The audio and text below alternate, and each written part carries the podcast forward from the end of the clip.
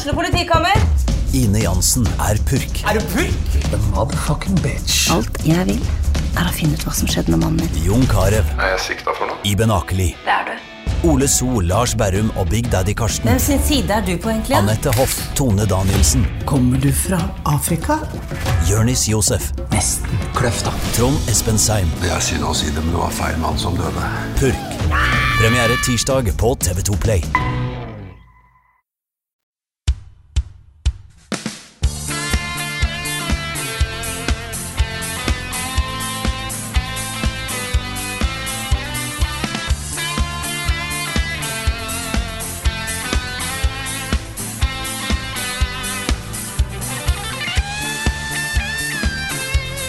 Hallo, alle sammen, og velkommen til en ny episode av podkasten Level Backup med meg, Frida Danmo. Med meg i dag har jeg, Rune Fjell Olsen og Jan Martin Svendsen. Hallo, folkens. Hallo. Hello, guys. Hallo. Hallo. Hei. Hvordan går det med dere? Jo. Fin torsdag?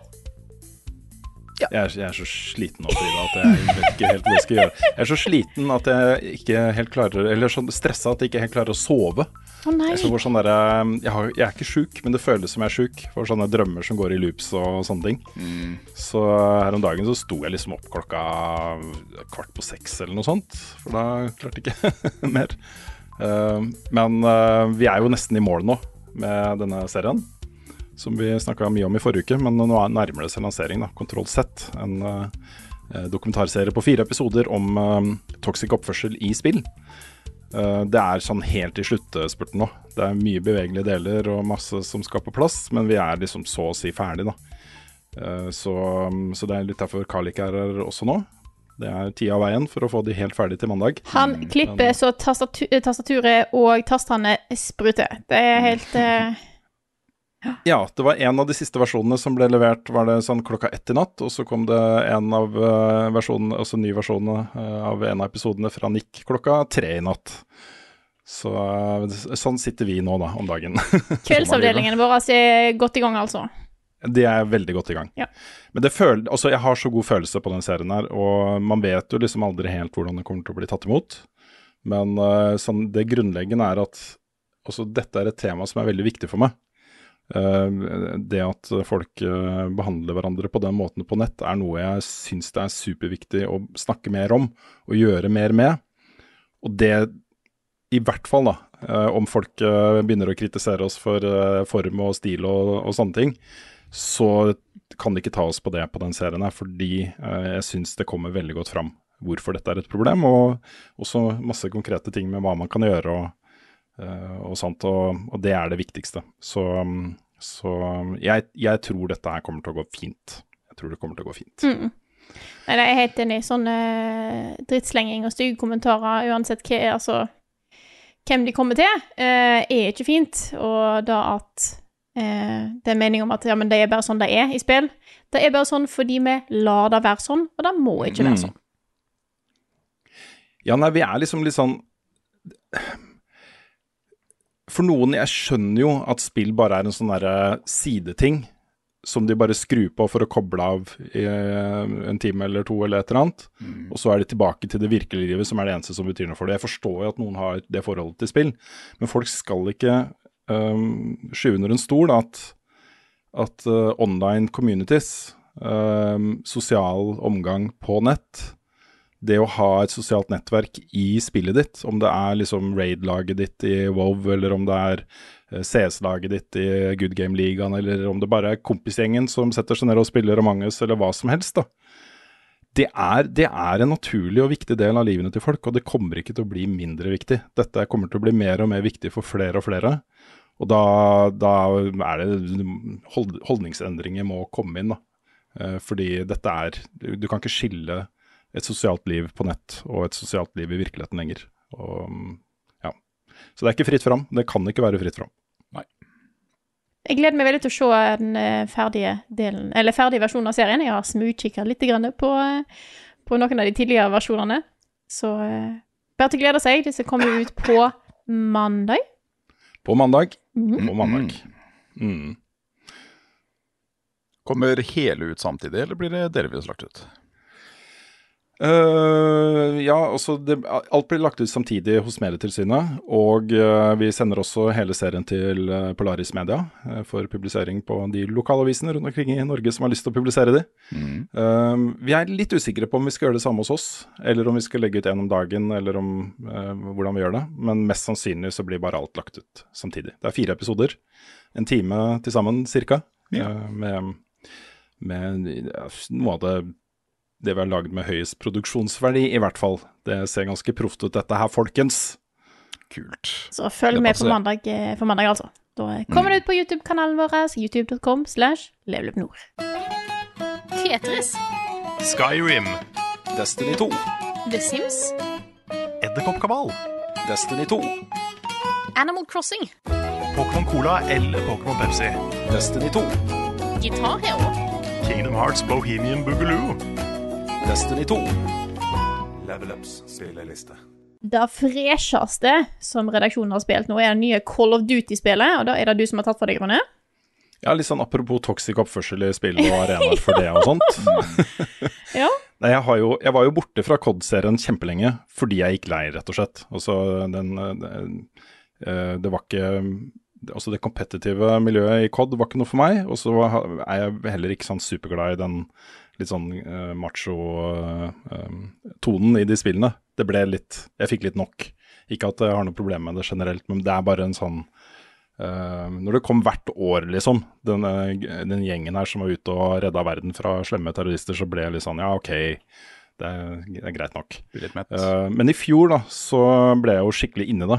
Og bare så det er sagt, folkens det er et ganske toxic community. ass. Det å spille Warzone og, og COD multiplayer, det er jo noe av det vi snakker om i denne kontrollsett-serien vår. Eh, så, så, der måtte jeg ta noen grep, rett og slett. For å, for å, jeg måtte skru av proximity chat, og det er jo kjempesynd.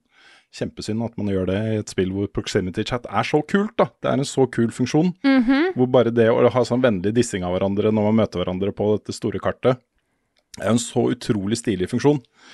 Så, så, det var litt synd. Men uh, nok, uh, nok digresjoner.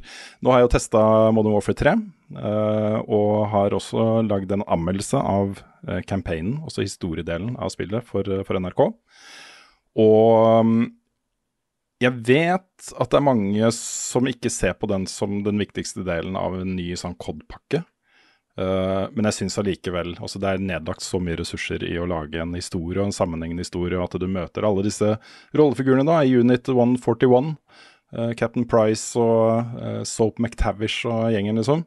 At det er verdt å ta et kritisk blikk på det. Og jeg var ganske kritisk denne gangen. Mm. Det, er, det, det, var ikke en veldig kul opplevelse også. Det er greit nok, liksom, men føles egentlig veldig som bare noe de har lagd så folk har noe å bruke penger på mm. eh, i år også. Um, veldig formelbundet på at man har denne uh, unit, uh, denne spesialenheten uh, med elitesoldater som reiser over hele verden for å stante, stanse da, et ondt komplott fra en ond terrorist som stjeler noen kjemiske våpen og noe greier og greier. Um, masse sånn varier, varierte oppdrag og nye lokasjoner og sånne ting. Men eh, veldig, veldig platt. Eh, selv da, de har et oppdrag der som, hvor man går litt tilbake i tid, og du blir på en måte eh, kasta inn i en pågående terroraksjon på en sånn eh, sportsarena. Eh, veldig callback til No Russia-oppdraget fra Modern Warfare 2, var vel det, tror jeg. Hvor eh, det var på en flyplass. Men her er det jo, ikke sant, det ligger jo døde sivile overalt. og det, det, det ramler ned døde sivile i trappa du går opp, og det er liksom utrolig fælt, da. Uh, men uh, uh, så, så, føles det bare som om de bare lager noe for at Altså, det, det, konteksten blir liksom bare rar. Uh, når plottet er sånn derre annenrangs James Bond-historie.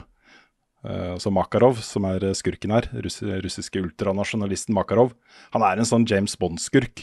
Litt sånn der karikert han er bare slem, han. Han er bare slem. og han skal bare uh, ikke sant, skaffe disse kjemiske våpnene og bare være slem. Eh, og du er bare snill og kommer for å stanse han, og det er, det er ja. Så, um, så jeg syns historien var ganske eh, Ikke direkte dårlig, men i hvert fall ikke så bra som jeg har opplevd disse spillene før. da. Fordi det Call of Duty har gjort det bra med den gjengen her, er jo å lage en litt sånn ensemble eh, Litt sånn eh, The Fast and the Furious ensemble-type ting. Hvor du har rollefigurer som blir godt utvikla over tid, og som du blir litt glad i. Da. De har et veldig sånn vennskapelig forhold seg imellom. Eh, de er ikke sånne typiske action-macho-helter. Uh, de er mennesker, liksom. Uh, og, uh, og den biten syns jeg har vært uh, veldig fin, da. også i disse Modern Warfare-historiene. Så det at ikke de får en bedre fortsettelse, syns jeg er litt trist, må jeg få sagt. Men så er det også sånn at uh, Call of Duty er jo ikke bare singleplayer, det er jo masse multiplayer-greier her. Og jeg har jo veldig sansen for at de reintroduserer zombies. Så mm. hvis man skulle på en måte sett på hele Call of Duty Modern Warfare 3 som en stor helhet, med Warzone, som også er gratis tilgjengelig da, for, uh, for alle, uh, med zombies, med multiplayer, med alle disse greiene her, liksom, så blir det jo litt lettere å tilgi en, en litt sånn kjip historiedel, da. Så jeg gir jo historien terningkast tre. Jeg syns ikke jeg trenger å gå noe lavere enn det, men jeg er jo litt skuffa over at ikke jeg likte den bedre. Det er eh, potensial til å, til å, være bedre, og da er det alltid synd om man ikke kommer helt dit. Mm. og så vil jeg bare nevne før vi går videre også at eh, jeg har jo fortsatt på, på Alan Wake 2, og jeg var jo rimelig ekstatisk i forrige uke. Og det har ikke endra seg, for å si det sånn, etter å ha spilt det mer det spillet her er noe helt spesielt. Også. Det er noe helt spesielt. Mm. En opplevelse ulik alle andre spillopplevelser som, eh, som finnes der ute. Og jeg er altså så glad for at dette spillet eksisterer. Jeg koser meg altså så mye med det spillet. Jeg snakka litt med Carl om det, han har jo også begynt å spille. Og han har det? Sånn, ja da. Han, han, han, kommer seg gjennom. Ja. Han sitter og spiller med kjæresten. Mm. Så Nei, men jeg sitter og spiller det med hele kroppen. Det er altså så intenst, det spillet her. Eh, og så eh, mange sterke inntrykk da, som kommer hele tiden. At, uh, at uh, Ja, det, det bare Det er rock'n'roll også, rett og slett. Snadder. Mm. Åh, jeg må teste det her, men jeg tør jo ikke det. Ja, nei, vi får se. Ja. ja, ja, nei. Spill det for, eh, for, eh, alle de kule visuelle eh, inntrykkene og uttrykkene som blir brukt, og grepene som er gjort. Hvor mye mer skummelt er det enn Control? Spilte du noen gang den der horrorutvidelsen av Control? Det var en egen delse som var en veldig sånn skrekkhistorie med et faktisk monster som fulgte etter deg og sånne ting. Jeg trodde jeg hadde spilt alle DLC-ene.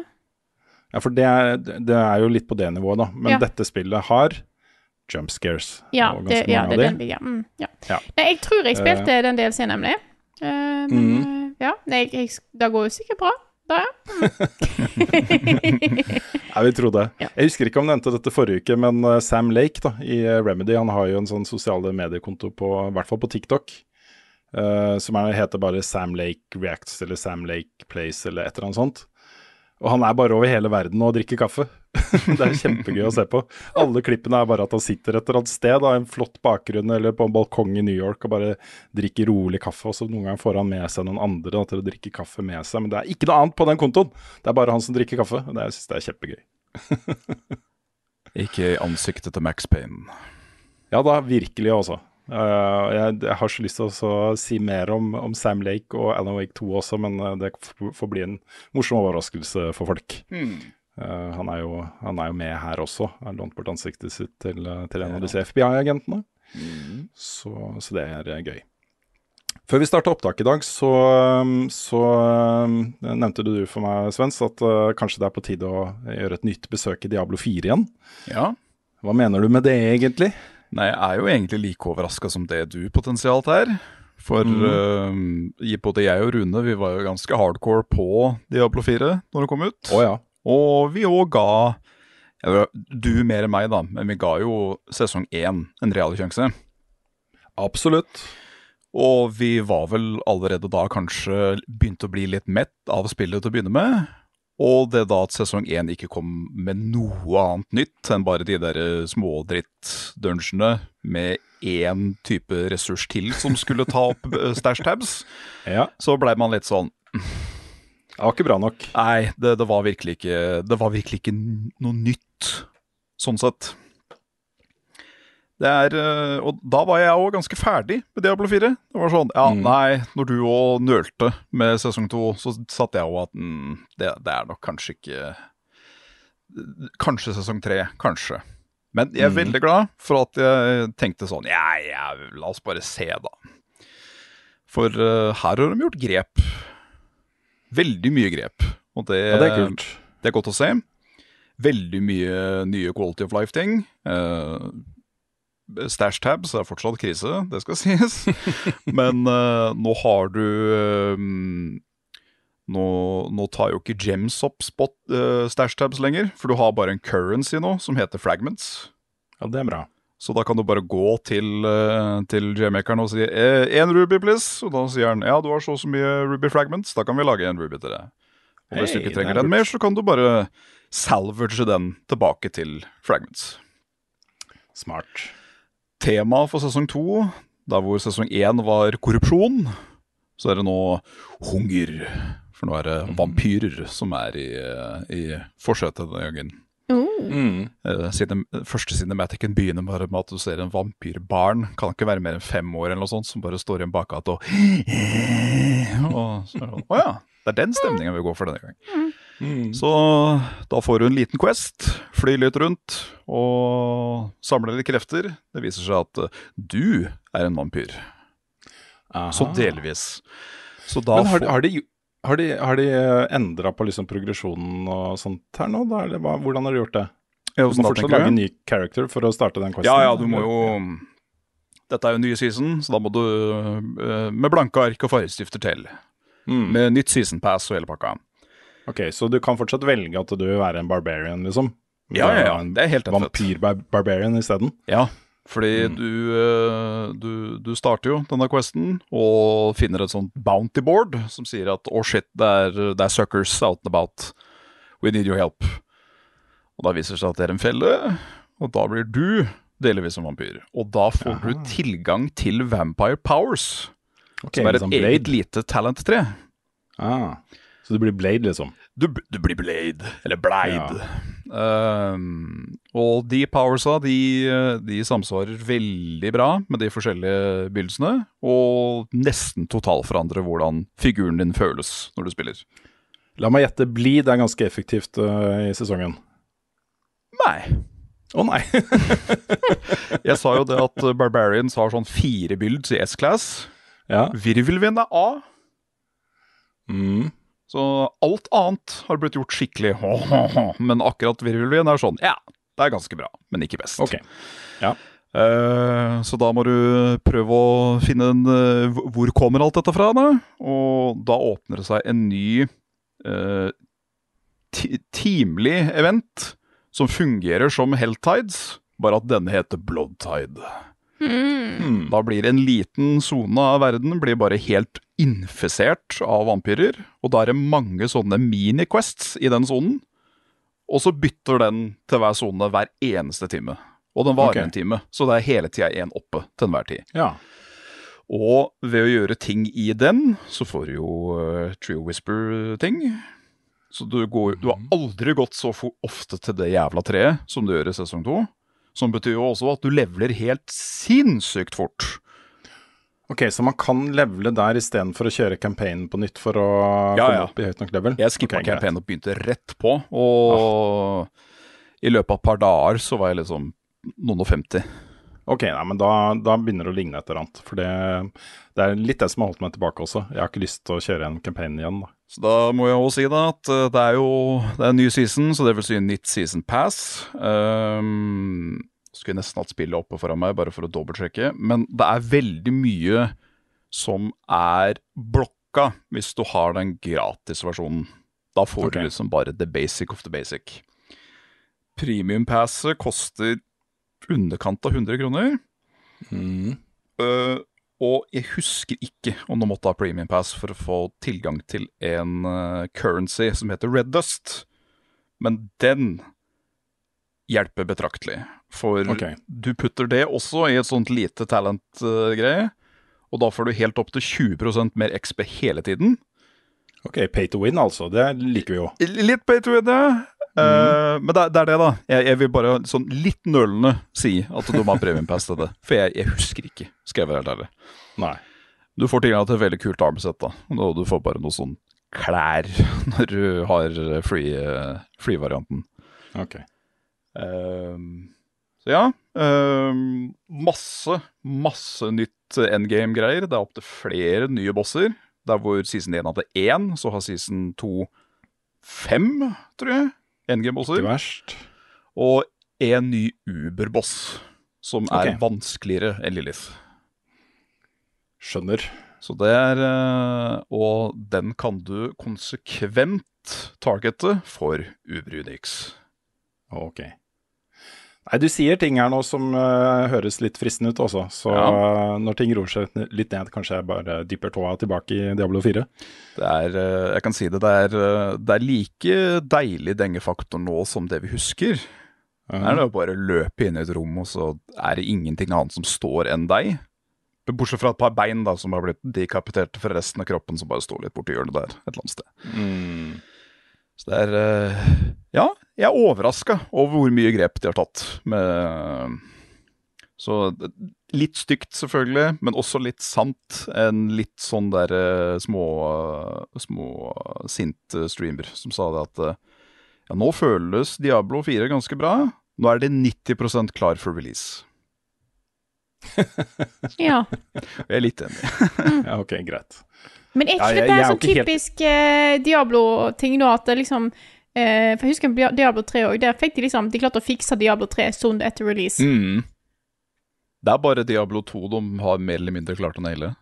Ja. Det første, første ja, Det blir ljug, det òg. Det òg har blitt patcha. Men uh, Ja, nei, igjen. Spill gjennom Diablo 4, og du får en kjempebra opplevelse. Men det er når du begynner å grinde det, at du finner ut at hm, dette spillet er kanskje litt tomt. Ja. Men ikke nå lenger. Ja, nei, altså Jeg må jo få sagt at jeg hadde en genuint dritkul opplevelse av launch. Mm. Så fram, hele perioden fram til sesong én. Var en skikkelig opptur for meg. Jeg, syns det var veldig kult. Eh, og det hadde sine issues. Eh, først og fremst så ble grinden for eh, tøff. Når du Mm. kom til sånn level 60-65-ish, opp mot 100.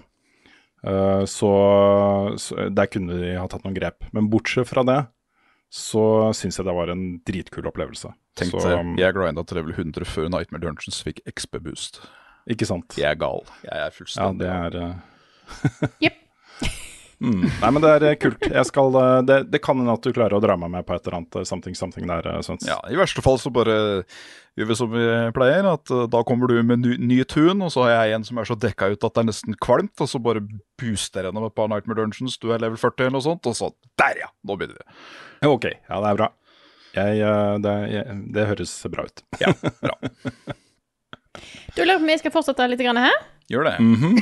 Nå er Det var jo i helga, så eh, jeg hørte eh, Jeg så kommentarfeltet. Jeg eh, skjønte at det var ønska, og jeg tok en stream med City Skylines 2. Laget bra. litt eh, rundkjøringer hos meg. Jeg hadde besøk av eh, Jostein, som er jo òg City Skylines-eksperten, sammen med meg i, i redaksjonen nå. Veldig fint. Eh, og da var veldig gøy. Hovedsakelig fordi at jeg begynte på en ny by, brukte alt jeg hadde brukt, fått av erfaring. Fikk også mye feedback på byen jeg hadde Vi hadde video av i forrige podkast, og det var den første byen jeg hadde lagd, som er trash. Eh, og det visste jeg. Eh, det er mye en ler underveis, så jeg bygger alltid nye byer for å liksom begynne litt bedre. Jeg fikk òg mye tips fra, fra de som så på. Så nå begynner jeg å få en følelse at jeg har fått litt mer håndfast tak på de nye tingene i City Skylines 2. Eh, og føler jeg begynner å få en bedre forståelse for, eh, for dette spillet her, og ser hva de gjør nytt, og hva som er, hva som er bra, og sånne ting. Eh, og jeg vil bare nevne at jeg fortsatt nå er veldig positiv til det, nå etter jeg har fått litt mer eh, kontroll på ting. Eh, men jeg syns fortsatt det er ganske komplekst. Det er ganske mye å sette seg inn i. Spesielt hvis du er ny, så tror jeg det kan være ganske mye på én gang. Eh, så da er det jeg vil si så langt, at jeg tror eh, Det er ikke alt som er like lett å forstå seg på. Jeg har òg prøvd å endte opp med å søke opp litt sånn ting. Hvorfor får jeg ikke til dette? Hvordan er det dette funker? Eh, og det er jo litt sånn det er med denne type komplekse, la oss kalle det strategispill. Det er ganske mye. Ganske mange ting.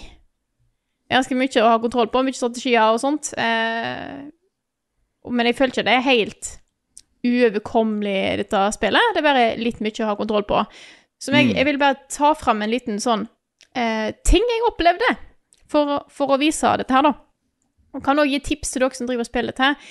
Hvis du syns at byen din ikke går så bra som du hadde håpet, eh, eller du føler det er et eller annet som ikke er helt som det skal, ta en kikk gjennom alle eh, tingene du kan velge mellom, enten det er sykehus, altså helseting, eller om det er politi, eller er det Om det er et eller annet som husene står og lyser rødt på. For det betyr at de kanskje ikke har den tingen. Eh, Enten det er at de mangler strøm, eller at de mangler vann, eller at du driver og sender kloakken tilbake igjen og gir det til innbyggerne dine. Det har jeg gjort en gang før. Det er litt sånn kjipt eh, når du får de til å drikke kloakk. Jeg har lært den. Eh, men jeg fant en ny en, nemlig. Eh, det viser seg at alle innbyggerne mine egentlig var ganske misfornøyd, eh, og at jeg egentlig bare har vært en sånn ganske streng diktatorleder for byen min, eh, som har isolert hele byen fra hele omverdenen, eh, og har nekta da å bygge verken postkontor, eh, radiosendere, internett eller telefon. Denne byen her har vært 100% isolert fra hele omverdenen. Det var 32 000 brev som lå rundt omkring i byen min, som ikke ble sendt. da blir ikke folk så happy, viser det seg. Eh, for jeg, den, dette med, eh, med post og internett og, så, og så kommunikasjon, den er en ny ting i det spillet her. Sånn at det av og til dukker opp liksom sånne eh, tweets, hvis du kan kalle det det, for det er en sånn side ekstra ting, så det dukker opp liksom Dette er det byen din snakker om, og noen som klager på at internett var litt dårlig. Jeg bare sier, men jeg kan ikke gi noe med internett. Det, det, det var jeg som hadde ansvar for internett. Jeg bare visste ikke at jeg hadde ansvar for internett. Så nå har de, nå har de fått internett, eh, og nå var det veldig mange som ville flytte til byen min. Så nå eh, eh, Det viser at det, det, spillet er komplekst og har veldig mange ting. Det er lett å overse ting. Eh, så jeg eh, er ikke helt sikker på jeg, jeg liker at det er masse nytt. Jeg bare lurer på om det kanskje er litt vel mye. Hmm. Mm. Det er der jeg er akkurat nå. Jeg vil bare stikke inn helt på slutten at Ja. eh, det derre up upgrade uh, season dust-greiene, det er gratis. Så det er ikke pay to win. OK, Ah, det er gratis, ja. Ok, Nice. greit, okay, okay, Ok, ok, ok. Bra, bra du fikk uh, Ja. nevnt det. good to know. Har dere prøvd vann fra springen? Jeg har sett en ny TV-serie ja, nå, vet du. Dette albumet må dere høre. TV-spill er ganske stas. Det er en serie som foregår in space. YouTube.com, der er en kul nettside. Level Ups anbefaling. Jeg føler liksom at all is right with the world når Rune har en TV-serieanbefaling. Ja, det er, ta, det er ting de sånn som det skal være. Ja, ja, ja. Jeg har jo egentlig ikke tid til å se TV-serier uh, om dagen, men da hjelper det da med en TV-serie hvor det bare er tre episoder ute. Så øh, foreløpig, da. Så, så jeg har fått sett av de tre første episodene av Makta på NRK. Og det er altså så mye bedre enn jeg trodde det skulle være, til og med. Og så har jeg fått med meg at det har fått mye skryt, og at folk er veldig fornøyde med den. Men jeg har liksom sett for meg at det bare er, altså det er en spennende øh, politisk biopic-type ting, da. Men de har altså gjort så mange grep med, eh, med utforminga av den serien her, at det er rett og slett bare gøy å se på. Eh, For dette er jo en fiksjonsserie basert på virkelige hendelser og virkelige personer. Men de har tatt seg så mange friheter. Eh, Og så har de gjort et kjempevellykka grep, hvor de ikke engang har prøvd å få liksom omgivelsene til å se ut som om det foregår på 70- og 80-tallet. Så åpningssekvensen så møter du Reiv Steen og en del andre folk på en bar. Og det ser veldig ut som eh, 70-tallet. Og for det første så driver du jo og Det kommer inn sånn derre klappeting, vet du, sånn cut. eh, Ja. Sånn, ja. Eh, noen ganger, så de tar en, en av scenene tar de litt flere ganger før den liksom sitter, da. Eh, de har tatt med det. Og så åpner uh, Reiulf Steen døra, går ut i byen, og der ligger liksom operaen. Operabygget til Snøhetta og bare brer seg ut over hele skjermen, ikke sant. Ja, ja. Og en annen gang så har de sånn, det, det kommer da med sånn eh, 70-tallsfont, bare Oslo sentrum, sånn og sånn, 1979 eller hva det står. Og det er rett foran Oslo City. Det Kjøpesenteret Oslo City. Jeg syns det er så gøy. Det er så gøy. Jeg syns det er litt det... gøy når se serier gjør litt sånne grep, altså. Ja, det er det er kjempe, kjempegøy. Han derre møbelhandleren også, han der som blir kalt Edderkoppen. Eh, Det er en sånn kjempestor politisk skandale som ble rulla ut på 80-tallet. Eh, Han drev liksom og satt folk litt opp mot hverandre og tok lydopptak av samtaler med sentrale Arbeiderpartipolitikere og sånne ting. Oi. Og han sitter jo og snakker rett i kamera. Og bare sånn derre ja, Er det en sånn der, er sånn historisk serie, dette her, da? Eller eh, hva er formatet på dette her, liksom? jeg elsker det. Jeg elsker det. Og så er det noen av rollefigurene hvor, hvor skuespillerne ligner ganske mye. Også hun som spiller Gro Harlem Brundtland, er jo um, det, Der er det ganske mange likheter. Også han som spiller Reiulf Steen, der er det mange likheter. Og et par andre, altså, Bjartmar Gjerde og sånt også. Uh, ja, jeg skjønner at de valgte han skuespilleren til det. Men andre ganger så har de bare gitt fullstendig blanke. bare, ikke sant? Så du har jo uh, personer med innvandrerbakgrunn, eh, andre utfarger og sånn, som spiller da liksom sånn type uh, ja, eksempel, Yngve Haagensen. journalister. Eva Brattholm blir spilt av, av en NRK som jeg har møtt et par ganger i sånn NRK-sammenheng. Som har jo en helt annen hudfa- hudfarge enn Eva Brattholm har. Og det, jeg syns bare det er så gøy. Det står liksom um, Nå husker jeg ikke akkurat Si det var Yngve Haagensen, men jeg tror ikke det var det. Det var en annen politiker. Det, bildet stopper opp, og så står det bare Yngve Haagensen, pil.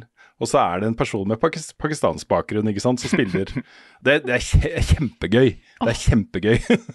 For, bare for å spørre oss, eh, for oss som ikke følte fulgte så mye med i politikken på 80-tallet, eh, og kanskje ikke har eh, undersøkt så mye i etterkant heller, kan du si, er det Mhm. lett å eh, henge med her? Ja da, det er lett å henge med. Også bakteppet her er jo at du, du kommer fra en periode hvor eh, Arbeiderpartiet har jo vunnet alle valg. Med, det er- kjempegøy også med, med Det er liksom syvende far i huset som er øh, åh, landsfaderen. Det er, er pokker også. Ja, det står stilt hos meg òg. Jeg googler. Yes. Ja, Han kommer liksom inn da noen ganger med noen sånne gode forslag til hvordan de skal snu skuta og sånne ting. ikke sant? Men Høyre har jo kommet inn da som en ny maktfaktor ikke sant? og begynt å vinne litt valg. og Gerhardsen? Ja, Gerhardsen selvfølgelig. selvfølgelig. Eh, så, så, så det er interessant, den overgangen fra et samfunn hvor liksom Arbeiderpartiet bygger velferdsstaten, eh, de har statsministeren i år etter år, og det er bare Arbeiderpartiet, og de har oppslutning på over 40% og sånne ting. Og plutselig så kommer Høyre inn som en ny maktfaktor og begynner å vinne valg og får statsministeren og, og sånne ting. Så den politiske delen av det syns jeg er interessant litt sånn uansett. Eh, og så tror jeg Eh, med mindre du er født uh, sånn et godt stykke sånn slutten av 90-tallet type ting, så har alle over en viss alder et visst forhold til hvem Gro Harlem Brundtland er. Og så Ja, ja. uh, Gro, da. ikke sant. Alles, hele Norges Gro. Og det å bare se hennes reise da, fra å sitte Hun er lege ikke sant, og sitter i abortnemnda. Hvor det satt da tre personer, to menn og da Gro Harlem Brundtland, som skulle bestemme om kvinner fikk lov til å ta abort eller ikke, basert på historiene de fortalte. ikke sant? Til å bli en sånn virvelvind som kommer inn i Arbeiderpartiet og blir kjempepopulær. Det, alle de tingene er spennende og interessant uansett. Og så er det først og fremst det er en utrolig godt dramatisert uh, serie med veldig bra manus og veldig morsom, uh, mye morsomme scener og gode skuespillere. Så TV-messig er det verdt å se den uansett, da. Nei, Det er sånn forfriskende, liksom. Det er, eh, det er gøy å se TV som er laget på denne måten. Jeg blir ordentlig glad også for å, for å se det. Så um, gleder meg allerede til søndag. Da kommer det en ny episode. Lekkert. Jeg tenkte jeg skulle nevne det i stad når skal jeg, ja, yes. Når du snakker om dette her med at de, de mikser litt på, på hva tidsepoke det satt i. Ehm, jeg har eh, tenkt på om jeg skulle anbefale nyeste episode, nei, sesongen av Sex Education, eh, som jeg så ferdig ganske nylig. Og der òg har du det samme miksing av år, Altså tiår dette her eh, pågår. Der er jo ja. stilen veldig sånn eh, 70-talls, men alt er jo moderne. De har jo iPader, de har jo telefoner. Så det er på en måte Mm. Jeg syns den måten å tulle litt med, med tidsepoker, syns jeg er litt gøy.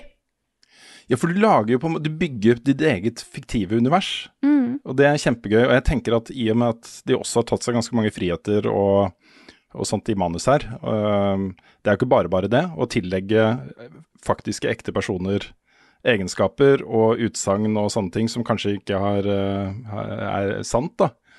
Uh, at man da lager et, et sånn fiktivt univers rundt det som, uh, som plasserer det ganske trygt i fiksjonsrammer, er jo ganske smart, da. Um, og så skiller det seg veldig ut fra andre ting når, de, når de gjør det. Men jeg avbrøt deg i stad, Svendsen. Ja, nei, jeg bare skulle si at jeg jeg sitter der og lyver. For selvfølgelig har jeg òg en anbefaling som jeg nesten bare må komme med. Gjør dette, det. Dette er gjør det. historisk, faktisk, når jeg tenker litt over det. Det er det at eh, nå, ti år seinere, mer eller mindre, så er Attack on Titan ferdig. Ja. Ja, jeg har fått med meg og den avslutninga det, det, er lenge, det er lenge siden jeg har følt meg så tom etter noe har endelig fått liksom en sløyfe over seg. Var- Hvorfor er det ingen som har eh, anbefalt denne serien for meg før og bedt meg om å se Nei, jeg skjønner ikke Veldig hva du prater om i det hele tatt. du kunne likt den, ja. Ja, overbevist. Det, det, er, det er ikke snakk om om, det er snakk om når. Mm. For Jeg veit dette er noe for deg. Hvis du skal se Ja, på jeg anime, så er dette din anime. Jeg skal se den. Jeg skal Ja, se den den. er, den er så jævlig som du håper på at den er. Kult. Ja. Ja. Eh, og så et liten plugg òg. Nå har eh, Carl litt i i bakrommet og recordet Nei, jeg mener editet, og da mener jeg ikke serien. Da mener jeg Boulders Gate-serien til meg, Carl Nick. Ja. Men fy fader, det skjedde ting forrige gang, ass. Når den episoden kommer ut Den bør bli en klikkvinner. Åh. Den legger jeg inn på O'boy O'boy-spalten, den. Nice. Det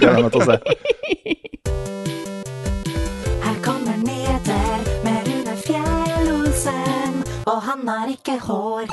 Vi må vel nesten starte med en nyhet om at det snart kommer en nyhet. Uh, nemlig da den første uh, offisielle traileren fra eh, Grand Theft Auto 6. Ja. ja, nå har Rockstar vært ute, det er, det er bare de som gjør det. Uh, Det kom en pressemelding om at i starten av desember så kommer vi med uh, den første traileren. Og det er, det er nyheten, liksom. Ja. Men det er jo, jeg, jeg syns jo det er gøy å, å få på en måte en offisiell bekreftelse da, på at uh, dette spillet skal snart bli vist fram, og at uh, de begynner å sette i gang hypemaskineriet uh, for det spillet. Og da kan man jo liksom begynne å spekulere i om det da vil kanskje komme ut neste år. Jeg tipper det. At når det kommer en trailer nå, så kommer de til å si 2024. Høsten, tror jeg. Ja, ja, ja. Mm. Sånn september eller et eller annet. Ja. Så er det jo litt uh, morsomt også, da. At når de sier den traileren kommer i starten av desember, så vet vi at uh, The Game Awards, det er 7. desember, det. Oi, oi, oi, oi, oi. Det er jo godt innafor, des eh, starten av desember, det. Ja, Ja, det er det veka, det. Mm. Um, og der kan jeg også nevne at nominasjonene til de kategoriene som skal deles ut, uh, prisene som skal deles ut um, uh, på Game Awards, blir klare på mandag den 13. Ja. Kult. Må tro om det skjer noe annet gøy mandag den 13. Ja, ja, ja. Kan det være lansering av en dok dokumentarserie eller et eller annet? Ja. Hørt noe hvisking om det. Og apropos ting vi må vente litt på, men som vi blir ganske gira på å, å få høre om, så er det nå bekrefta fra Miyamoto himself i Nintendo at det blir en live action spillefilm basert på Zelda. Oi. Ja. Han eh, kom med en sånn uttalelse på sosiale medier eh, i Japan uh, denne uka her, hvor han sa også at dette har de jobba med i mange år. Eh, og Det som er eh, gir litt håp da, eh, for at dette kan bli noe greie greier som det er verdt å få med seg, er at produksjonen vil være finansiert av både Nintendo og Sony, faktisk. Sony Pictures. Eh, produksjonsselskapet som, eller produsenten som står ansvarlig, er en som heter Avi Arad. Og han uh, eh, har jo bl.a. vært producer for uh, Spiderman, Across the Spider-Verse. Da er jeg ganske uh, altså bra. Begge, begge Spider-Verse-filmene, faktisk. Ja. Uh, men også da Uncharted-filmen. Ja. Eh, eh, og i tillegg da Venom og eh, Mobius. Ja. Eh, og live action-filmen Ghost in the Shell eh, og Borderlands-filmen som kommer neste år òg. Så han er eh, tungt involvert i spill. ja. Filmer. Ikke bare spillefilmer, men Så spillfilmer. Da blir det Tom Holland som link, link da. ja. Tom Holland som Link er, eh, det er bankers eh, nå. Regissør av dette her er en som heter Wes Ball, som har uh, bl.a. regissert de tre Maze Runner-filmene. Og eh, eh, en ny Planet of the Apes-film som kommer neste år. Kingdom, Kingdom of the Planet of the Apes. Ja. mhm. Fader, jeg hater det. Så, um, så det er veldig, jeg syns det er veldig kult å bare se noen navn bli eh, knytta til dette her. Og så er jeg kjempespent på hvem de velger som skuespillere. Ja, Ja, og Link. Fader. Jeg ser i hvert fall spørsmål også, da, om hvem jeg ville caste, og vet du hva, jeg har ingen anelse. Nei. Dette er en film jeg ikke vet Jeg har ingen anelse om hva de har tenkt å gjøre. Om de har tenkt å ta liksom Mari-approachen og bare ta konseptet The Legend of Zelda og lage en ny historie, eller om de kommer til å ta utgangspunkt i noen av spillene. Jeg har eh, null idé. Og jeg er veldig, veldig spent på å se hva de gjør, og jeg håper virkelig at det blir bra. Ja. Mm. Håper det selv. Jeg håper at de sånn narrativt henter litt inspirasjon fra Tears of the Kingdom, ja, da, fordi, eh, fordi historien i det spillet er et godt utgangspunkt for, eh, for eh, filmatisering. Hvor du får se litt hvor, hvor var det Hyrule starta, liksom. Hvem er denne mystiske rasen som kommer inn og leverer all den kule teknologien og Det er en del momenter der, og så måten de bygger opp Ganondorf på, og sånt, som jeg syns var veldig kult, da. Og så håper jeg òg at de gjør han litt spennende, og ikke nødvendigvis skummel, men litt sånn ja, Ja. spenning. Ikke helt eh, Altså, jeg, tipp, tipp, altså, jeg tror nok ikke de kommer til å lage en thriller, men, men at det ikke blir bare sånn Ikke whimsical. lettbeint barnefilm-approach. Jeg håper Mm. at de tar noen av de mørke tonene som Zelda-serien òg er kjent for. Åh, Uh, Ocarina of Time. Og så må Link ned i brønnen, og så må han uh, inn i Shadow Temple. Mm. Uh, veldig apropos ingenting, Rune. Men er, Ja. det, er det en Elden Ring-genser jeg ser bak deg? Ja, det er det. Bra. Har ikke du den genseren også? Heter genseren? Jo. Den, eh, den står faktisk til tørk nå. Ja, nettopp. Nei, det er sånn, eh, den, den er jeg så glad i at eh, kona av og til må bare informere meg, for jeg har ikke luktesans. Nei. Ja. Det er sånn uh, trivia fun fact om meg. Jeg har ikke luktesans. Hun må informere meg at den genseren bør nok til vask. Nå lukta han litt vel mann. Det er litt sånn stramt. Men det er jo verken her eller der. Vi fortsetter på nyhetsspalten. Yes. Nyhetsspalten. Um, det var jo BlizzCon rett etter at vi publiserte forrige ukes episode av podkasten. Det var det. Mm, og jeg må jo si at jeg, nå så jeg ikke gjennom hele. Jeg, um, jeg har sett en del uh, på Asmongold som ser på BlizzCon. Uff, ja. han, han kommenterte det. Jeg fikk inntrykk av at uh, det ble ganske godt tatt imot disse nyhetene om uh, WoW uh, expansion packs. Fordi nå uh, Det var jo gjetta ganske eh, greit på forhånd at de kom til å avsløre hva den neste WoW expansion kom til å bli. Og ikke bare WoW Eh, Expansion. Nei. Også nå eh, avslørte de jo en helt ny story arc. Og tre nye expansions. Ja. Den første skal komme da neste år. Eh, Og så vil de andre følge på eh, etter det.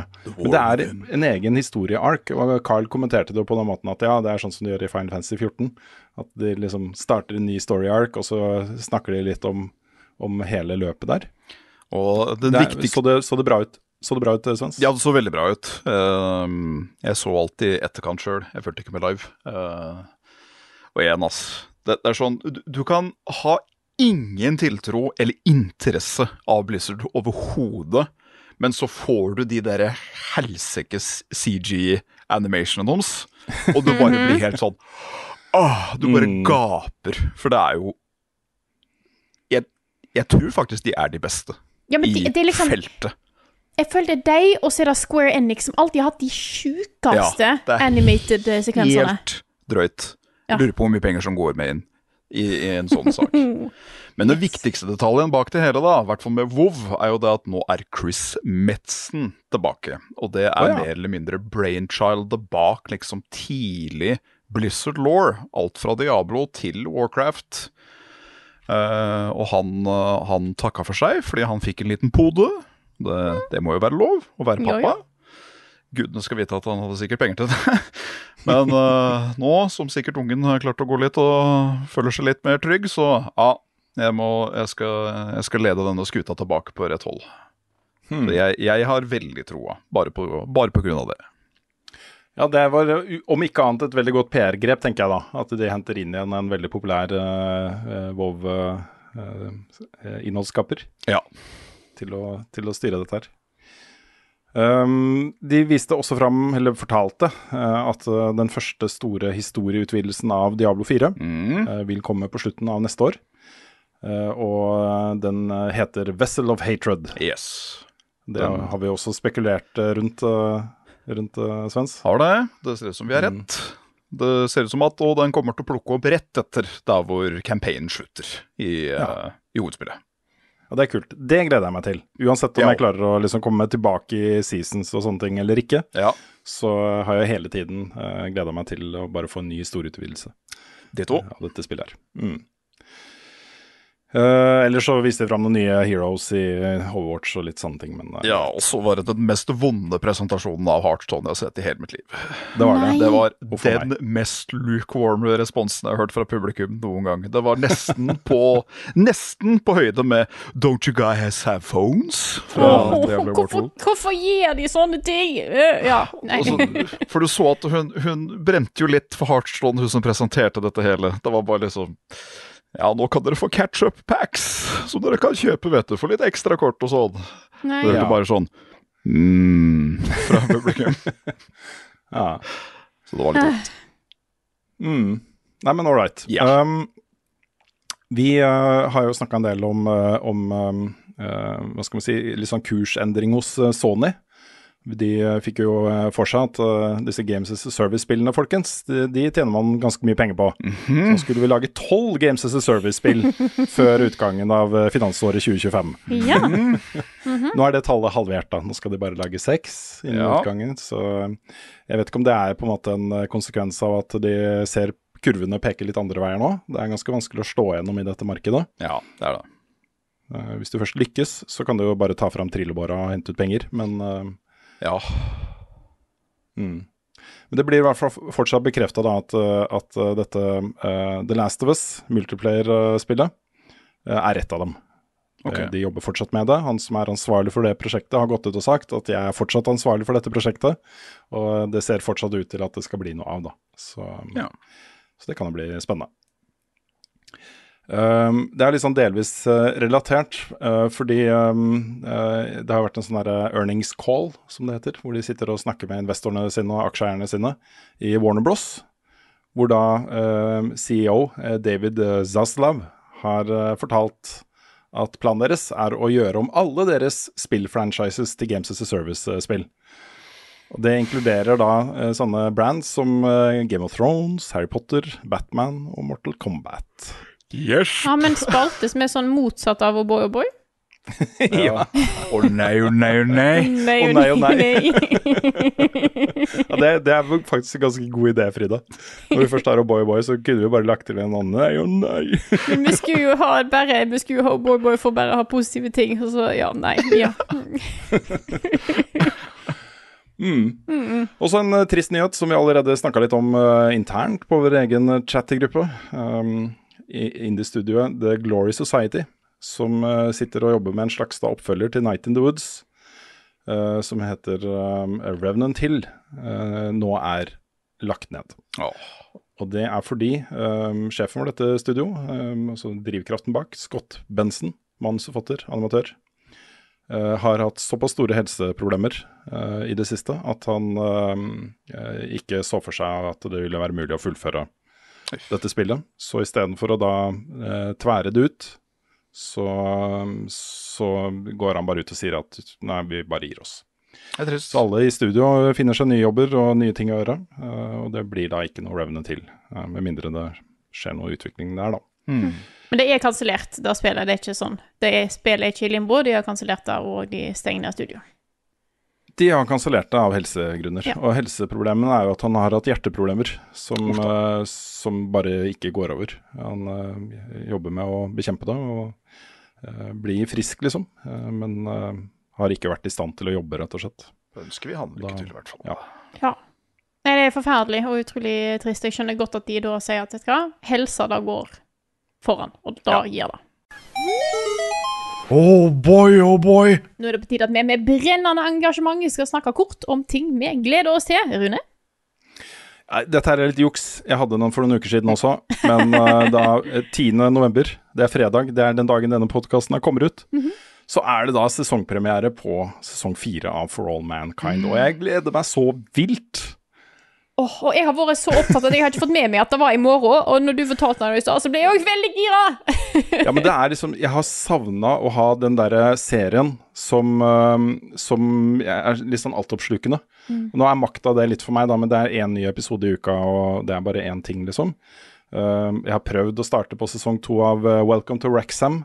Og jeg er ikke like engasjert som jeg var på sesong én, må jeg innrømme. Det er kanskje litt fordi jeg vet, jeg vet hvordan det går til slutt på den sesongen der. For det har jo vært i nyhetene. Um, Og ikke helt klart å finne noe annet heller. Men nå kommer da en av mine yndlingsserier tilbake, og det er et eller annet spesielt med det også. Ah, jeg er veldig spent på å se hvor den går videre. Den serien har jo på en måte blitt mer og mer litt sånn der såpepreg på. Og vet du hva? Jeg, jeg sluker den med hud og hår. Det, jeg har ingenting imot det. Ikke jeg heller. Og så har jeg lyst til å En liten ekstra ting, hvis jeg kan gjøre det. Mm -hmm. For det er kanskje rart å ta opp, men eh, nå er det eh, under to uker til jeg blir 30. Ja, det er det, Frida. Og da innser jeg at jeg gleder meg litt til. Jeg skal ut og spise god middag, og så skal jeg ha feiring med noen venner senere. Det blir ganske liten skala feiring, eh, men jeg eh, Det er begrenset hvor mye plass vi har hjemme, her hjemme, viser det seg. Men det er litt Intimfest sånn- er best fest. Ja. Jeg, jeg kjenner det vet hva, jeg eh, ser litt fram til å bli 30. Jeg tror Ja. da eh, Ja. Så da er En egentlig oss. sånn En av oss. Ja. Nå begynner Jeg jeg å har bli sagt gammel. det før. Jeg har sagt det før, men jeg syns jo 30-åra er det beste tiåret. Mm. Så ja, min eh, personlige erfaring. Ja, Ja, men Det tror jeg på, fordi at altså en Enn så ting lenge er jeg enig. Ja, når du kommer inn i 20-år og så er det sånn 'Nå er jeg 20, nå er du voksen.' Nei. Nei. og det er så mye som har skjedd med meg, og så mye jeg har funnet ut om meg sjøl, og så mye jeg har opplevd i 20-åra, som har vært veldig spennende. Men veldig mye har skjedd. Eh, og jeg har hatt eh, stabile og mindre stabile perioder i livet mitt. Og nå føler jeg at nå er jeg på en god plass. Nå, Mm. eh, nå er ting som det skal. Mm. Så det er litt, eh, det er litt fint. Uh, det derre Game Awards-greiene jeg, jeg husker jo at jeg har sett det før, men jeg husker bare ikke helt hva som er på programmet. Eh, tar de og viser uh, trailere noen ganger der? Ja. Ja, det er ja. mye Det er FromSoft-ting. derfor vi ser på. Ja, Sekiro. greit. Ja, fordi da, da jukser jeg igjen og sier det at da gleder jeg meg til Game Awards i desember, når vi endelig får Shadows of the Earth Tree. Bifalles. Varenes best, hvordan fredag sist? Har Carl egentlig sopp? Ukens spørsmål. Vi starter med et spørsmål som er knytta til den store nyheten denne uka. Det er fra Sundhaug92, som skriver Hva ønsker dere i GTA 6? Ja, det er et godt spørsmål, fordi um, det som på en måte har definert serien mest, er når det kommer et nytt GTA, så de, har det i hvert fall historisk eh, sett da, satt en ny standard for uh, svære, åpne, troverdige, uh, åpne verdener. Altså eh, hvor, hvor mye man får igjen for å utforske dem, hvor uh, mye innlevelse det er, hvor detaljrike de er, hvor mange kule ting det er å oppdage, liksom. Uh, og det er på en måte Det første jeg ønsker meg, er bare noe som ser latterlig lekkert ut. Hvor det er dødsmye kul- kule ting å gjøre og finne og finne på og sånne ting. Uh, hvis man bare utforsker litt. Det er det jeg gleder meg mest til. Men det som jeg syns er mest spennende, er jo hvilken retning historien tar, og rollefigurene. Fordi eh, der har det jo skjedd ganske mye i Rockstar de siste årene. eh, hvor eh, hvor jeg, mener virkelig at Red Dead Redemption 2 tok noen ganske spennende skritt inn i Altså litt ut av den gutteklubben. Og mer inn i litt sånn mer variasjon i rollegalleriet. Litt mer troverdige rollefigurer. Ikke fullt så macho-macho som det hadde vært tidligere, da. Eh, og hvis du bruker liksom GTA 5 som et utgangspunkt, så var det jo mye det mye man kunne sette seg ned og lage svære essays om. Uh, hvordan kona til Michael ble uh, presentert, f.eks. Um, og hva slags type holdninger folk viste fram i, i spillet. Og litt sånn platt humor på, på ting som ikke jeg syns Altså, det, det, humoren traff meg ikke helt, da. Litt plump. Litt plump humor. som kom fra gutterommet mer enn fra liksom et, et ekte sånn humorsted. Mm. Uh, så, så et smartere manus med mer troverdige rollefigurer uh, tror jeg er, eh, er det, det er jeg veldig spent på. Og de har jo tatt et grep nå ved at en av disse to spillbare hovedrollene i spillet er jo kvinne, en kvinnerolle. Det var på jaggu meg på tide. Mhm. det, det er på tide, og jeg er dritspent på hvordan de har løst det. Altså Mm. hvordan, eh, hvordan eh, påvirker det spillopplevelsen, og hva slags eh, kvinnerolle er det, Ja. eh, og så videre. Jeg håper det er hun som har mest bein i nesa. Altså, jeg håper egentlig bare at det er to uh, litt sånn kjøtt og bein-rollefigurer. Om det, det, må, det må ikke være liksom uh, aktivt uh, Nei, nå skal vi sørge for, å, for at det er kvinnerollen som er den beste rollen her, liksom. Ja. Eh, men bare at de, de, de legger like mye arbeid i det som de gjorde i Red Dead Redemption 2. For der syns jeg de var innmari flinke til å lage rollefigurer med nyanser og med lag og med eh, sin egen personlighet og sånne ting. Og det, det er gøy å se også, i en åp, eh, åpen verden-opplevelse som, som GTA også. Mm. Mm. Nei, Det blir spennende. Nå er jo GTA 5 brukt tynt nok, nesten, vil jeg si. Å, herregud. Det har blitt, det har blitt, GTA 5 har blitt en ny Skyrim. Ja. Å ja. Å ja. Eh, og nesten forbi det òg, syns jeg. Så jeg er veldig spent på hva Både på en måte hvordan GTA 6 blir når det kommer ut, selvfølgelig, men òg litt hva planene til Rockstar er med GTA 6 etter hvert. Mm. Det er jeg spent på å se. Ja, det har jo vært et frafall der av sentrale personer som har vært veldig tungt involvert i manus og, og konseptutvikling og den type ting. Um, og det er, det er ikke gitt at uh, GTA 6 kommer til å holde en altså like høy kvalitet som de tidligere GTA-spillene og Red Dead Redemption 2. da. Det, man vet jo ikke om det at det kommer inn nye folk her med sine egne ideer og sånt, om det er de riktige folka, eller om uh, savnet av, uh, av de originale manusforfatterne og sånt vil bli merkbart. da. Det er uh, Ja, jeg er spent, rett og slett. Men det er jo ikke noe tvil om, tenker jeg, da, at hvis man skal lage nå Hvis det kommer en dato i 2024 på det spillet her, hvis du lager da en liste over de mest etterlengta spillene i 2024 uten at det topper den lista, så øh, er det nesten litt rart. Altså, jeg Rent personlig og, og uh, hos mange andre, så er det jo andre typer spilleopplevelser som interesserer, er mer interessante, da. Um, og det kan Jeg har ikke noe personlig noe stort problem med å plassere Hades 2 over GTA 6 f.eks. på ting jeg gleder meg til, men, uh, men bare som et, uh, en lansering. Altså st hvor stort dette kommer til å bli. Hvor mye det kommer til å dominere liksom alt av sosiale medier og alt dette er liksom når lanseringa faktisk er. Det blir, det blir mest sannsynlig årets uh, største spillevent også. Lanseringen av GTA 6. Det, Mm. det tror jeg. Skal vi ta et uh, neste spørsmål her? Det kan vi. Og Jeg tenkte vi skulle se litt eh, innover eh, mot oss igjen, eh, med spørsmålet fra Daniel, som skriver Hei, jeg er lærer og pedagogisk IKT-veileder på en barneskole, og skal finne relevant innhold til Safer Internet Day 6. februar. Vil dere si at Kontroll Z-serien deres kan brukes til sånt? Ja. med, med noen eh, forbehold, fordi vi har brukt noen scener her, og det kommer jo ganske godt fram. Altså, hva er, hva er det disse folka sier, da? Eh, hva er det som ikke er greit å si? Eh, og vi har jo eksempler på det. Eh, så er den heller ikke laget med et utgangspunkt i at, at barneskoleelever først og fremst skal se dette her. Jeg tenker at er det over på ungdomsskolen og videregående og, og eldre enn det, så er alt i serien godt innafor. Men vi har ikke satt oss ned og lagd et pedagogisk opplegg mynta på barneskoleelever med den serien her.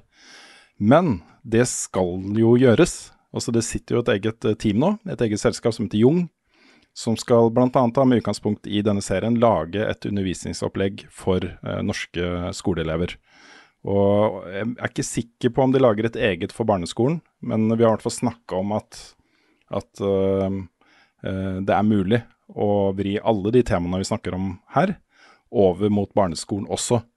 Eh, fordi øh, tesen der er jo liksom at det vi snakker om her, altså den type oppførsel og grunnen til at det har fått lov til å normalisere seg, er jo at ikke det kommer inn noen korrekser eh, allerede fra de øyeblikkene hvor barn begynner å spille online.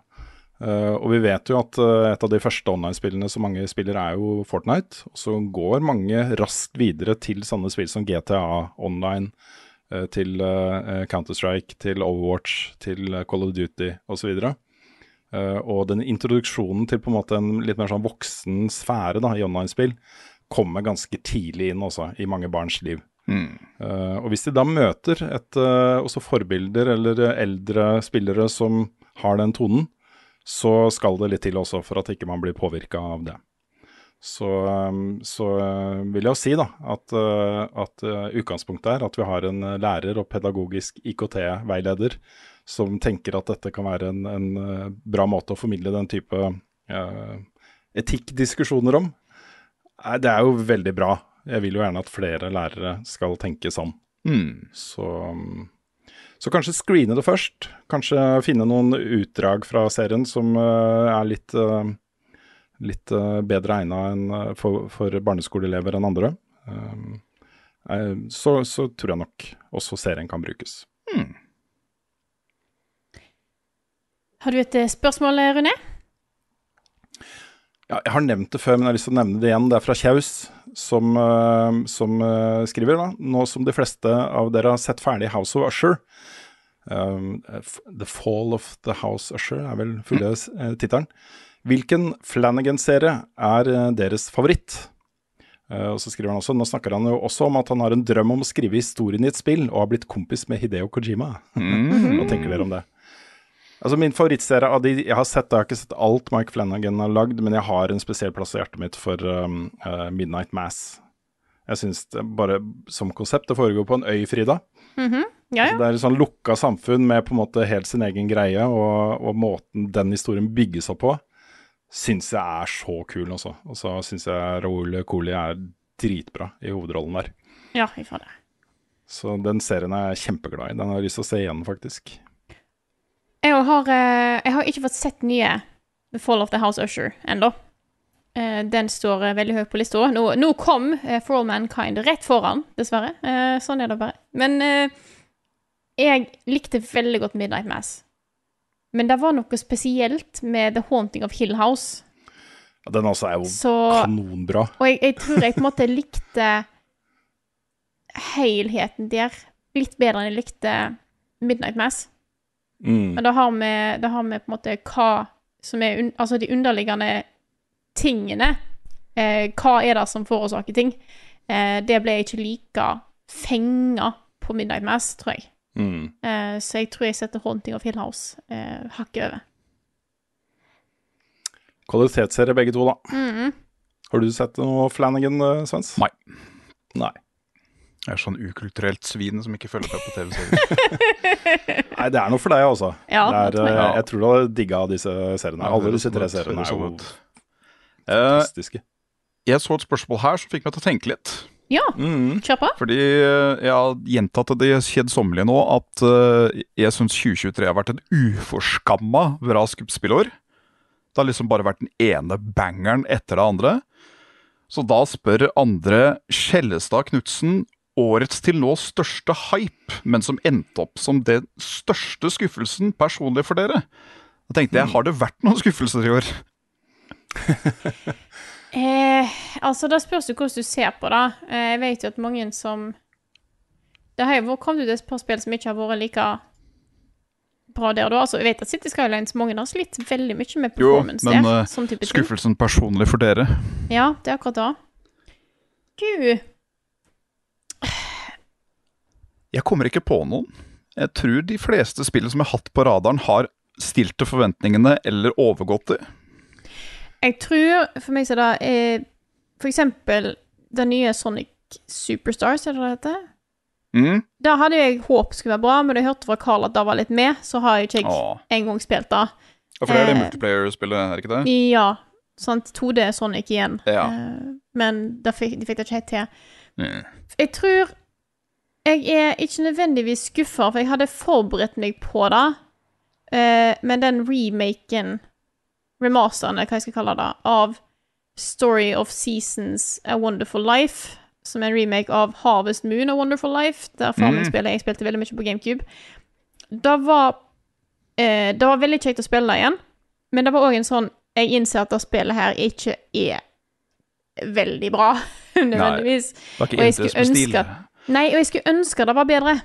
Jeg skulle ønske at de hadde gjort noe med det for å få eh, Altså, dette er jo en ganske, ganske tro kopi av originalen, Mm. med litt forbedringer her og der, selvfølgelig. Litt quality of life, som jeg syns funker bra, men jeg skulle gjerne gjort, ønske at de hadde gjort litt mer. For jeg tror mer en remake istedenfor en remaster av det spillet hadde vært veldig Veldig lur. Mm. Eh, så jeg skulle ønske at det var bedre, men eh, jeg spilte det jo mye likevel. Ja, Min største skuffelse var egentlig ikke en skuffelse, for jeg hadde ikke sånn superhøye forventninger til dem. Vi har snakka om det allerede, den første sesongen av Diablo 4. Ja. eh, Hvor jeg kom Ja, fra en veldig positiv opptur, og så Det å møte veggen på den måten, det var liksom OK. Det jeg skulle ønske at jeg ikke gjorde det. Um, Jeg men tror ellers vi så var litt det brent ut, altså. Hva sa du? Jeg tror vi òg var litt brent ut, skal jeg være helt ærlig. Ja, vi var nok kanskje det. Vi Ja. var nok kanskje det. Eh, men ellers så Det kom en sånn her samlepakke med Metal Gear Solid 1, 2 og 3 i høst. Ja. Som, eh, som jeg har installert og testa. Og jeg syns ikke um, Altså, de kunne gjort mer ut av det. De kunne ha lagt ned mer arbeid i å få det til å fungere og flyte bedre på moderne TV-er og uh, spillmaskiner. Um, så den, den ble jeg litt skuffa over. Det var, de er spillbare, og det funker liksom, men jeg skulle ønske at de hadde gjort mer enn å bare få de over med eh, hva heter det, minste eh, motstands... eh, hva heter det? Nei, et eller annet. Ja, minste motstandsvei. Ja, Et eller annet sånt. Ja. fordi um, du jeg, jeg, Ja, det, det, det burde vært bedre. Ja. Men, um, men uh, jeg vil ikke si jeg ble sånn megaskuffa over det, så jeg vet ikke. Det er sånn, sånn, jeg, Alle de spillene jeg har anmeldt i år, det har jo stort sett vært terningkast fire eller høyere for, for NRK. Og i hvert fall syv eller høyere for, eh, for level up, da. Bortsett fra, bortsett fra da Call of Duty. Um, så um, så det er jo som du sier, Svendsen, det er så mye bangers i år. Og så Mm. mange spill det er lett å, å skrive og snakke varmt om. Det er jo um, et privilegium å få lov til å bare surfe, surfe de bra opplevelsene. Kan jo, kan jo vri på spørsmål, da, gjøre det til noe veldig positivt her på slutten. At eh, jeg visste jo at Larian kunne levere bra produkter. For jeg har jo spilt jeg tror jeg har sånn 300 timer i Divinity 2. Men Mm. når de skulle ta Ball of Skate, så tenkte jeg ikke så veldig mye mer over det. Jeg, sånn, ja, ja, jeg, jeg spiller det når det kommer ut, liksom. Det, er no big deal, no big deal. Men fy fader! All den positive kritikken det spillet har fått, det er så fortjent. Mm. Det er kanskje det mest komplette spillet jeg har spilt på lenge. Og det er kult å høre, altså. Jeg har lyst til, bare for å Når vi er inne på det eh, Da det kom ut, og folk liksom eh, snakka så positivt om det, men så var det òg en del som snakka om at det var litt sleit, litt sånn performance og litt sånne Ja, ting. Og så tenkte jeg å ja, er det, er det, er det to liksom eh, Er det noen som er sånn kjempepositive, og så er det en del som er litt, litt med? Men så innser jeg at Nei, nei, alt er bare dritbra. Ja, ja. Det er sånn, ja, litt performance og litt greier. Er, men alt annet er så dritbra, og det er, det, jeg, jeg tror ikke jeg helt skjønte hvor bra det var. Nei, det er liksom det nå, nå har jeg møtt på den ene game-breaking buggen etter den andre, og NPC-er har bare forsvunnet, og alt er helvete, liksom. Fader, for et ti av ti-spill. Ja, sant, det er jo helt ko-ko. Ja. Um, så jeg tror, ikke, jeg, jeg tror ikke jeg helt skjønte faktisk hvor bra folk syns det var da det kom ut. Nei, det er helt eh, Mm. Det er faktisk latterlig. Ja. Det er, eh, det er en sånn nesten uoppnåelig industristandard som har blitt uh, innført nå, som skal bli spennende å se hva folk klarer å følge opp med på med, med det i tankene. Ja. Mm. Jeg lurer på om vi skal gå videre med et uh, nytt spill her. Mm. Nei, nytt spill. Nytt spørsmål. Hallo. Nytt spørsmål. Nytt spill! Eh, dette er fra I am dog dog dog, som skriver Hvordan håndterer dere frykten for å gå glipp av innhold i et spill? Enkelt og greit fear of missing out. Når dere sier dere Når sier dere dere er fornøyd med et spill selv om det er mer innhold? Personlig syns jeg alle spill skal lanseres med en såkalt I have children, give me only the best parts of the game edition. Ja, den har nok vært fin for mange. ja. Ja, nei, jeg sliter jo litt med det. Jeg kan jo lett få litt sånn fomo, og særlig hvis det blir knytta til en eller annen platinum trophy som jeg har lyst på, nå. Ja. Så, um, så jeg sliter litt med å legge fra meg ting selv om jeg egentlig er ferdig. Så jeg, har- jeg har jo platinum i, i um, eh, Lies of P. Mm. Jeg er eh, bare tre sånne co-op uh, trophies under platinum i Lords of the Fallen. Um, og så har jeg jo denne historikken med Destiny, da, hvor jeg virkelig har følt på FOMO. Hvor det har kommet et nytt våpen eller en ny greie, en ny perk eller en ny roll som endrer alt, ikke sant. Den må du jo bare ha. Uh, den har jeg følt på. Men uh, jeg føler at jeg er blitt litt kurert for det verste. At ikke det er så ille lenger. At jeg kan legge fra meg ting selv om jeg ikke er helt ferdig med de. Um, Mm. Det skjedde jo med Det skjedde jo med uh, Resident Evil Village. Hvor jeg liksom Jeg mangla to trophies for platinum. Det, er- det er greit. Og det samme med Red Dead Redemption 2. Jeg kunne ha satt meg ned og grinda ut Red Dead Online for å få de to trophyene jeg mangla der òg, liksom, for platinum. Men jeg klarte å la være, da. eh, uten at jeg lå våken om nettene pga. det. Så det er et mindset, også. Den derre um, Du må bare få, få hele deg til å forstå at det ikke betyr noe om du Mm. får den rollen av det våpenet eller ikke. Eh, at det å sitte da i to timer og grinde en aktivitet for å få en roll for, eh, på et våpen eller hva som helst, liksom. Livet, det ble, du blir ikke noe lykkeligere av å få deg våpenet, egentlig. det føles godt der og da, men det, du klarer deg uten. Du må bare skjønne det, liksom. Du må bare akseptere det. Ja. Så, så blir det lettere. Ja, for jeg har jo ikke den derre eh, achievement platinum-trofé-jakten eh, i meg. Men hvis jeg spiller spill som er veldig store, så kan jeg eh, av og til på en måte bare dobbeltsjekke eller spørre eller søke opp ting for å være sikker på at jeg får med meg de gode tingene som jeg bør få med meg i min Mm. playthrough. Eh, spesielt på spill som har vært ute en stund, sånn, nå må jeg endelig få det med meg, men jeg har ikke tid til å Hvis jeg misser det nå, så har jeg mista det. Jeg har ikke tid til en ny sp- gjennomspilling. Eh, da husker jeg blant annet jeg gjorde på The Witcher 3, så prøvde jeg å finne ut ok, hva er det som er den beste slutten. Hva gjør jeg for å få den beste slutten? For det er jo liksom bare sånn dialogvalg. Det betyr ingenting for opplevelsen i seg sjøl, egentlig. Det er litt sånn at jeg tar da, da dialogvalget, og så da dialogvalget, så kommer jeg til den rette slutten og får en fin avrunding på the whole thing. Da, sånne ting trenger jeg. Eh, og litt av samme med da jeg spilte Elden Ring, så var det sånn, OK For å få med meg det som folk snakker om, jeg må få med meg OK, disse Questlines og her. Hva gjør jeg? Hvordan gjør jeg det? Hvordan kommer jeg til Melania? Sånne type ting eh, sjekker jeg av og til.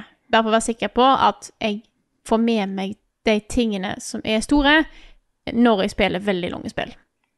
Elden Det, for det, meg det du sier er litt interessant, Frida. For nå snakker du om ting som det virkelig er verdt å få med seg også. Eh, sånn jeg husker jo at jeg hadde jo spilt Elden Ring i hvert fall 150 timer før jeg gjorde den questen som uh, uh, med han med solhatten som står og peker og Ja, ja. du, du kan få en statue til å endre seg og sånne ting. Uh, og det var jo så kul opplevelse. Altså, det, det, jeg ville jo ikke gå glipp av den, liksom. Mm. Jeg, og- jeg spilte 100 blindt første gang, men da gikk jeg og begynte å søke. Ja, samme her. Hva er det jeg ikke har gjort? Mm. Ja. Men for dere som visste dere skulle spille det flere ganger, for da visste dere vel. Det var Hadde vel en ja. viss anelse om det, ja. Ja. Mulig. Mens jeg er mer på på en måte Sannsynligvis skulle jeg bare spille det én gang. Ja. Og da var det sånn OK, nå må jeg bare få med meg alt. Ja. Mm. Eh, Men det er generelt min innstilling til spill. Det er Kommer jeg til rulleteksten, så har jeg gjort mer enn mitt. Men er det et litt sånn rogelight eller, eh, eller stort åpen verden eller hardcore RPG, så er det greit å bare gi en liten sånn Liten Google-søk. Er, er, er det noe fett jeg Er det noe fett jeg ikke har sett i Elden Ring Enter? ja. Å ja, ja. Ja, kanskje det, ja. ja. Men når jeg anmelder spill, så er det ikke alltid Da, da er det noe annet, for da er det på en måte Da er jeg ofte samtidig som alle andre oppdager ting. ja. Men dette er mest når jeg spiller spill en stund etterpå. Eh, for eksempel Elden Ring. Jeg var seint ute med Elden Ring. Det tok jo tid. Og da, sånne ting, da er sånn OK, jeg må bare være sikker på at jeg får det med meg nå, sånn at jeg kan være med på the, the hype, the things. Um, så jeg kanskje følge litt på FOMO der, ja. Litt. Grann. Mm. Har du et eh, spørsmål, eh, Svendsen? Nei. Har du et, Rune? Eh, ja, nei, jeg vil bare ta det, fordi de, de, de spørsmålene dukker opp hele tiden. eh, og be om forståelse av at eh, både Nick og Carl og jeg er eh, meget opptatt om dagen. Eh, denne kontrollsett-serien er utrolig viktig for oss, og det er såpass stort prosjekt uh, at vi må prioritere den. Så når eh, Bjørn Johansen, Jo- Johnsen f.eks. lurer på hvor det blir av Spiderman 2-anmeldelsen til Nick, så han jobber med den, og den går vid- framover, liksom. Men, øh, men øh, verken Nick eller vi som redaksjon har lyst til å slippe den anmeldelsen før Nick er 100 fornøyd med den. Eh, og og det får han ikke til samtidig som han sitter og klipper for harde livet til kontrollsett. Akkurat nå er det noe annet som presser mer. Og så hjalp det ikke at han blir sjuk i tillegg. Nei, ikke sant. Ja, Så den, den kommer, og den kommer til å bli den beste Spiderman 2-anmeldelsen som du har sett. hør, hør. Jeg lurer på om jeg har lyst til å ta et eh, siste spørsmål her. Gjør det? Den er grei. Dette er fra Kenneth Øie, som skriver Hei sann, folkens. Jeg er litt nysgjerrig på hva analoge og digitale hjelpemidler dere bruker gjennom en typisk arbeidsdag. Dere bruker jo konsoll og gaming-PC til å spille. Redigerer og klipper dere på gaming-PC-en? Supplerer dere med en bærbar PC og gjerne en god gammeldags notatblokk og Post-It-lapper for å notere stikkord og lignende til anmeldelser og andre ting? Bare, bare Gudrun som eh, sitter her. Ja. Ja, det er litt det samme på meg også. Jeg, jeg eh, klipper jo på den PC-en jeg spiller på. Jeg har til og med kobla PlayStation eh, og av og til da Switch, eh, av og til Xbox, til PC-en. eh, og spiller på PC-monitoren min Mm. for å kunne gjøre opptak på lettest mulig måte. Så jeg sitter i den stolen her, ja altså. Eh, Ja. Det eneste jeg bruker i tillegg, det er eh, at jeg oppretter et manus for det spillet jeg spiller. Um, og hvis jeg kommer på ting som jeg har lyst til å nevne i en anmeldelse eller i andre sammenhenger, så lager jeg et notat om det i det manuset. Mm. Og Det er på en måte det samme dokumentet som etter hvert blir det faktiske manuset, da, om det er en tekstanmeldelse for NRK eller om det er en, et manus til en video for eh, Level Up. Så vil det manuset da ofte starte med en tre-fire avsnitt hvor jeg har allerede notert et par ting. da. Så, og den har jeg også på mobilen, så da, den, eh, da henter jeg opp Google Docs der og legger inn ting, liksom. Jeg òg gjør det samme. Eh, hvis det er så kjapt at jeg ikke nødvendigvis har lagt lag dokumentet ennå, så bare lager jeg notat på telefonen. Så skriver jeg ned setninger eller tanker eller sånt, bare for å ha det der, og så går alt da inn i sluttmanuset. Og bare ligger Mm. nederst ofte. Eh, jeg har ganske mye eh, utstyr som går, blir brukt, og det er mest fordi at jeg har et litt eh, tungvint oppsett. Eh, fordi kontoret mitt, der jeg har min gaming-PC, er en annen plass enn stua mi, og det er ganske langt vekke mellom de to. Mm. Og jeg liker mest å spille når jeg skal spille på konsoll, så spiller jeg på den store, flotte TV-en min. Så der er det kobla til den gamle stasjonære PC-en min. Den er kobla til i stua og driver med opptak. Eh, og så har jeg gaming-PC-en min, som jeg òg redigerer video på. Den står på kontoret mitt. Men på kontoret mitt så smeller det noe helt enormt i veggene. Så det kan jeg ikke sitte og ta opp. Så da gjør jeg eh, her, en liten avlukke av, eh, eh, av stua, så der har jeg en laptop. Så jeg har tre datamaskiner jeg bytter på akkurat nå, som er helt unødvendig mye. Men det, det er det som brukes for å få, for å få mitt oppsett til å gå opp, da. Eh, men jeg syns det var gøy at han tok opp liksom dette med notatblokk. Eh, fordi jeg har nettopp begynt å bruke en Remarkable. Eh, ikke bare sånn privat, men på min andre jobb. Og da har jeg digital notatblokk. Det er, en sånn der, det er så fint, da. Holy shit. Jeg har stått også og kikka på Remarkable, eh, det er to, er vel den nye versjonen Ja, som er, mm. versjonen som er ute. Ja. Eh, Den ser jo latterlig bra ut. Er det, er det, er det Fride? Han er helt nydelig. Og det er mest fordi at jeg er Mm. ekstremt distré eh, og litt sånn uh, uorganisatorisk til tider. Så hvis jeg skal ha notatbøker og ha med på møter og sånt, så hadde jeg endt opp med ei notat Altså enten så kunne jeg hatt ei notatblokk for alle møtene, og så må jeg bare liksom Aff, hvor var det forrige møte, og styr. Eller så måtte jeg hatt ei notatblokk per prosjekt, så må det være en mulighet, men da jeg plutselig glemt den notatblokka, den ligger igjen der, og så Å, shit. Med en Remarkable min så har jeg alt på én plass. Og jeg trenger bare ta med den, og da vet jeg at jeg har alt jeg trenger. Mm. Og jeg har brukt en eh, Jeg brukte ikke Remarkable, jeg brukte en Jeg hadde en lignende en under doktorgraden.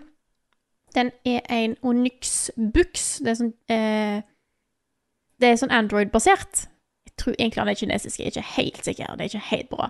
Men den var Android-basert, så du kunne installere Android-baserte apper på den. Oh. Så der kunne jeg fikse referansebiblioteket mitt mens jeg jobba med doktorgraden. Veldig praktisk. Mm. Så jeg er blitt veldig glad i den type digitale notebooks. Og eh, den er utrolig god å skrive på, og det er praktisk og eh, lett å bare ha alt samla på én plass, for min del, som trenger en organis altså lett måte å organisere ting på, hvis ikke blir det fullstendig kaos. Mm. Løp og kjøp. Han er litt, han er litt dyr. Men han er, jeg syns han er, har vært verdt det. Men det er òg fordi at jeg fikk det jo Jeg kunne få det via jobben, eh, og syns det var veldig, veldig greit. Så eh, absolutt, eh, absolutt en smart liten device. Det finnes jo egne sånne der, eh, organi organisere tankene dine og prosjektene dine type apper til, eh, til telefonen også, så jeg, jeg skal jeg, jeg trenger noe sånt, Ja. et, egentlig. Um, Ja, det er litt fint. Jeg har aldri vært den som har vært flink med fysiske sånn små notatblokker eller sånn der eh, kalender eller sånn type ting. Det har jeg aldri fått til. Jeg har prøvd, har ikke fått det til. Ellers elsker Post-It-lapper. Herregud, jeg har alltid Post-It-lapper overalt. Det er den eneste fysiske tingen jeg bruker for liksom notater. Jeg bruker det på jobb, jeg bruker det hjemme, jeg bruker det da jeg spilte Tunic. Det er liksom Post-It-lapper. Åh, det er så fint. Og så må jeg ta en full sånn rengjøring innimellom. Bare kaste sånn 50, 50 lapper. Ja. Med det skal vi ta, si at eh, det var det for denne uka her. Yeah. Mhm. Da gjør vi det. Dette her er podkasten Level Backup, utgitt av Moderne Media. Låten i introen og outroen er skrevet av Ole Sønnik Larsen og arrangert og framført av Kyoshu Orkestra. Og resten av innholdet vårt da finner du på youtube.com slash levelupnord og twitch.tv slash levelupnord. Følg med på mandag 13. november, holdt på å si feil der, så kommer den nye serien vår, Kontroll Z, som vi har lagd i samarbeid med Medietilsynet. Det blir veldig, veldig gøy. Eh, jeg håper at dere òg liker den. Mm. Det har, eh, har eh, flotte folk i redaksjonen jobba veldig hardt for.